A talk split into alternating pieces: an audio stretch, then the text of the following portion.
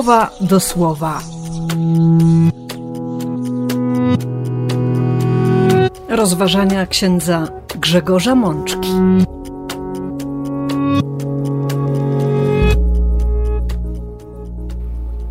Szósta niedziela zwykła, rok A.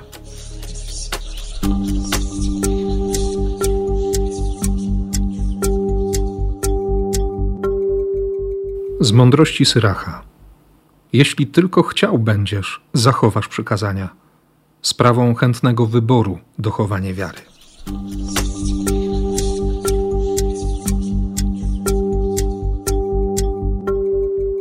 Z Psalmu 119. Zdejmij zasłonę z moich oczu, abym dostrzegał przedziwne uroki Twojego prawa.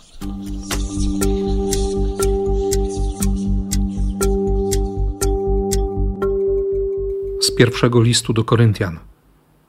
Głosimy mądrość Boga tajemną, dotąd ukrytą, którą Bóg przed wiekami przeznaczył dla naszej chwały.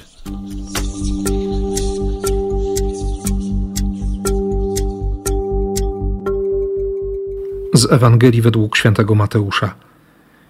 Nie myślcie, że przyszedłem znieść prawo lub proroków. Nie znieść przyszedłem, ale dopełnić.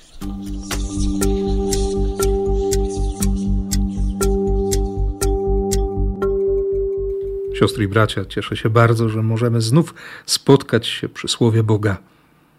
Spotkać jako Kościół, jako wspólnota, po to, żeby słuchać tego, co mówi Bóg, żeby też w pewien sposób przygotować swoje serce na spotkanie z Bogiem, na to doświadczenie jedności Kościoła.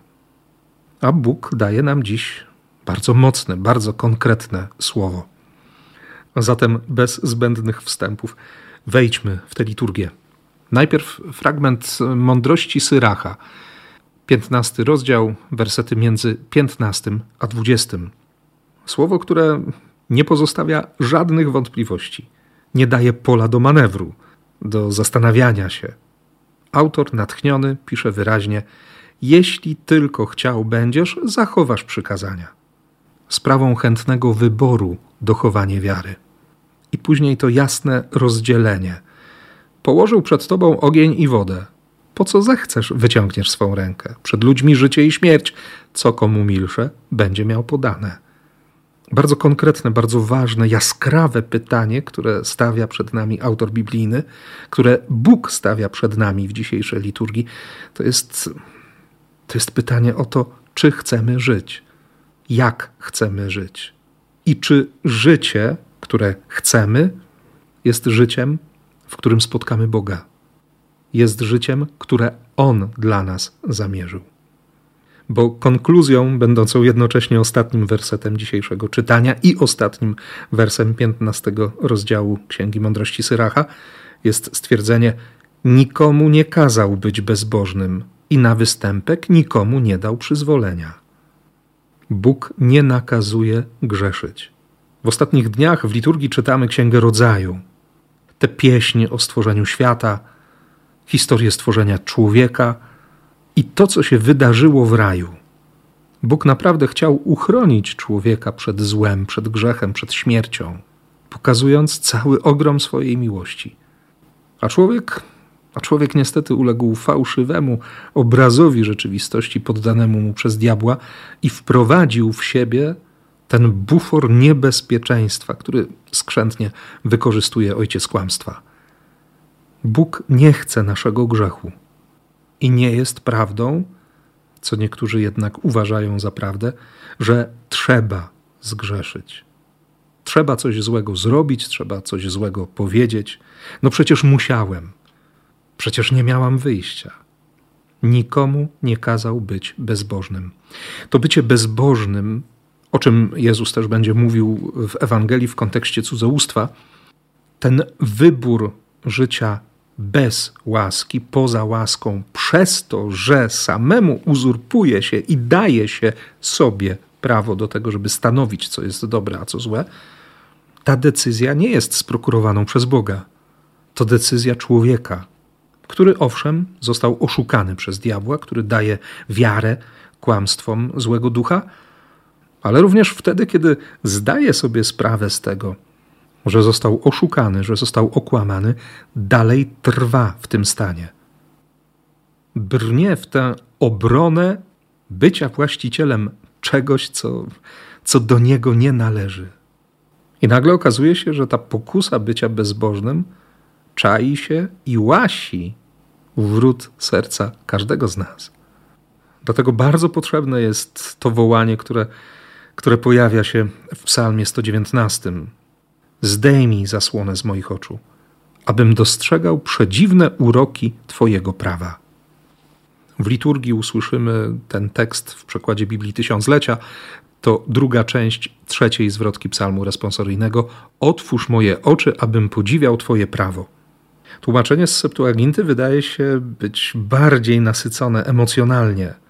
To żarliwsza prośba: zdejmij zasłonę z moich oczu.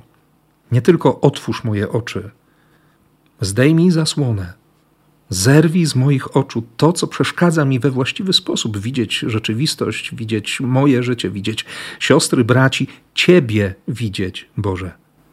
Uwolnij mnie, uwolnij moje oczy. Chcę być pod wrażeniem uroku Twojego prawa. Nie wiem, czy w Was, siostry i bracia, ale we mnie od razu pojawia się pewien emocjonalny zgrzyt. Podziwiać urok prawa? Przecież prawo to, no właśnie, prawo to prawo, to przepis, to zobowiązanie, to nakaz, to zakaz. Przedziwne uroki?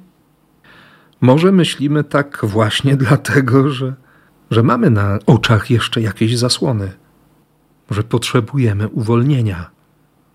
Może to wołanie psalmisty powinno być naszą modlitwą, codzienną modlitwą żebyśmy z takim samym zaangażowaniem prosili Boga o uwolnienie, o zerwanie wszelkich zasłon, usunięcie każdej możliwej bariery między Nim a nami, jak czasami próbujemy przekonać Boga do, do naszej wizji rzeczywistości, do naszego zdania na temat życia, Kościoła, świata. I niewątpliwie towarzyszem w tej modlitwie będzie święty Paweł w dziś czytanym fragmencie pierwszego listu do Koryntian apostoł narodów mówi o tym głoszeniu tajemnicy, o głoszeniu mądrości ukrytej do tej pory, ale przygotowanej przez Boga dla naszego dobra.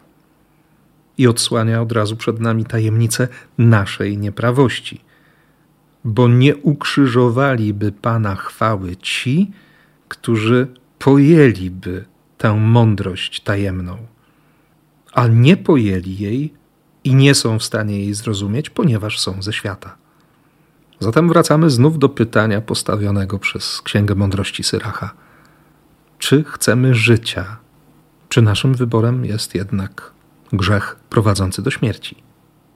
Oczywiście wierzę głęboko, siostry i bracia, że, że wy, którzy słuchacie tego słowa, wy, z którymi jest mi dane spotykać się na antenie naszego radia i w innych przestrzeniach internetowych, macie w sobie ogromne pragnienie odkrycia tej tajemnicy życiodajnej mądrości, że macie w sobie tę dojrzałość duchową, o której pisze nam święty Paweł, i że jesteśmy tymi, którym Bóg przez ducha objawia tajemnicę swojej miłości, przygotowaną dla tych, którzy go miłują. Pojawiają się w tym świadectwie apostoła narodów echa proroctwa Izajasza z 52 i 64 rozdziału. Tęsknota za tym, co Bóg przygotował dla kochających go. Bo od początku świata nikt nie słyszał ani nikt nie widział, a serce żadnego człowieka nawet nie było w stanie sobie wyobrazić tego, co Bóg przygotował. My mamy podane jakby na tacy miłość, która zbawia, życie, które staje się wiecznością, łaskę stwarzającą wciąż na nowo, Boga, który stał się człowiekiem.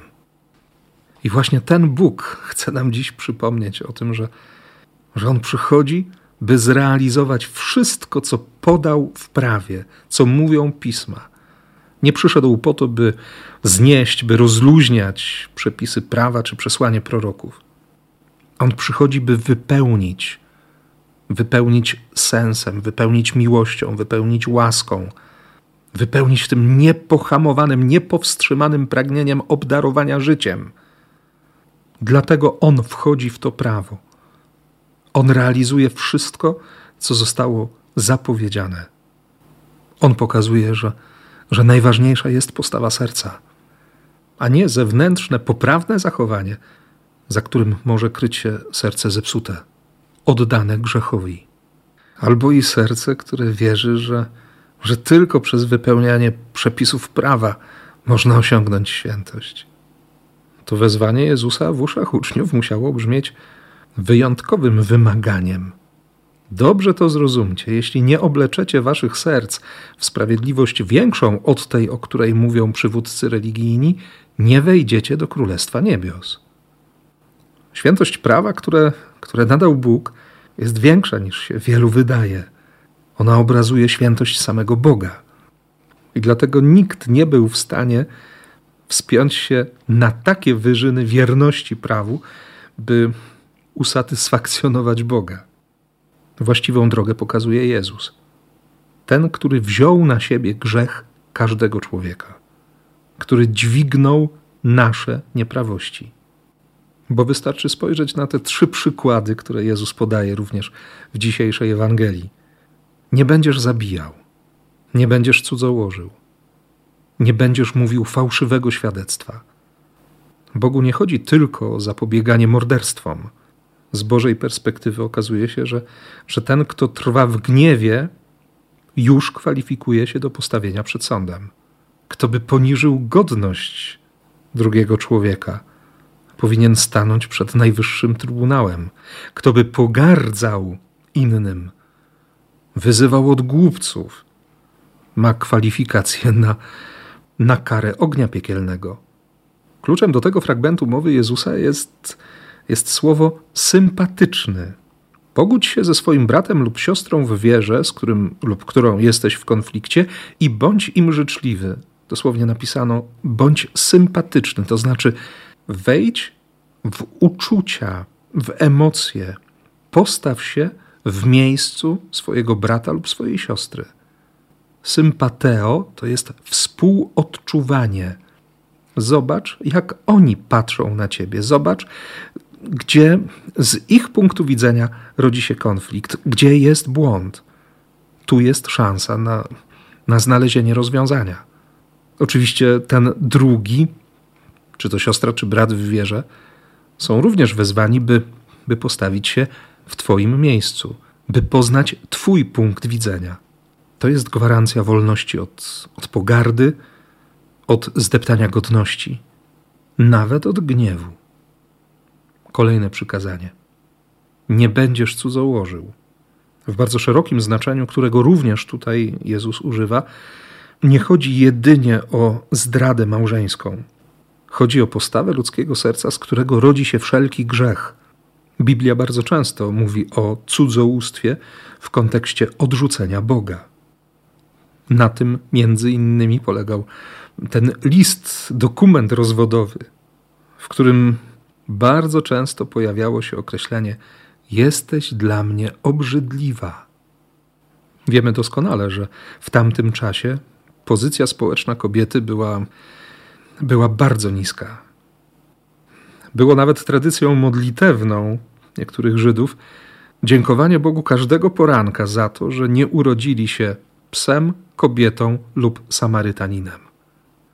Wobec takiego przekonania staje, staje Jezus, który rozmawia z kobietami, naucza, ma je blisko siebie, zaprasza je do współpracy, przebywa w ich towarzystwie, nie wstydzi się ich. Ostatecznie czyni je pierwszymi świadkami zmartwychwstania. Bóg, który nie patrzy na nikogo z pogardą, Bóg, który motywuje nas i mobilizuje do tego, byśmy, byśmy nikim nie gardzili. I wreszcie sprawa przysięgania, dotrzymywania Panu swoich ślubów. Jezus przypomni, że, że istotą jest troska o postawę serca. Zamiast składać przysięgi, trzeba zadbać o to, żeby, żeby wypowiadać się w sposób jednoznaczny. Tak, ma być tak, nie ma znaczyć nie. Nie potrzeba niczego więcej. Wielu rabinów twierdziło, że, że należy dotrzymywać przysiąg złożonych Bogu, bo tylko takie, w których ludzie odwołują się do Boga lub do jakichś świętości przez Niego ustanowionych, mają moc wiążącą. Inne przyrzeczenia nie mają większego znaczenia. A Jezus pokazuje wyraźnie swoim uczniom, Jezus pokazuje dziś nam, że po prostu należy dotrzymywać słowa. Co więcej, warto uważać na słowo. Być człowiekiem prostolinijnym. Wiemy dobrze, że, że to prawo, takie prawo wypełni Chrystus. Wypełni je swoją miłością, swoim zaangażowaniem, wypełni je przez śmierć i zmartwychwstanie. A my? My jesteśmy zdolni do wypełnienia tych słów Jezusa tylko wtedy, kiedy, kiedy przyjmiemy Jego punkt widzenia, kiedy przyjmiemy Jego ducha, kiedy Bóg naprawdę zerwie z naszych oczu te wszystkie zasłony, które, które nie pozwalają nam dostrzegać uroków Jego prawa, Jego słowa, Jego obietnicy. Będziemy szczęśliwi, kiedy wreszcie uwierzymy, że, że nie musimy czynić zła, że o ile pokusy są potrzebne, byśmy dokonywali właściwych wyborów, o tyle nasz wybór zła nie jest konieczny. A wtedy właśnie ucieszymy się odkryciem tej tajemnicy, tajemnicy miłości, przygotowanej dla nas od założenia świata. Miłości, która staje się niebem.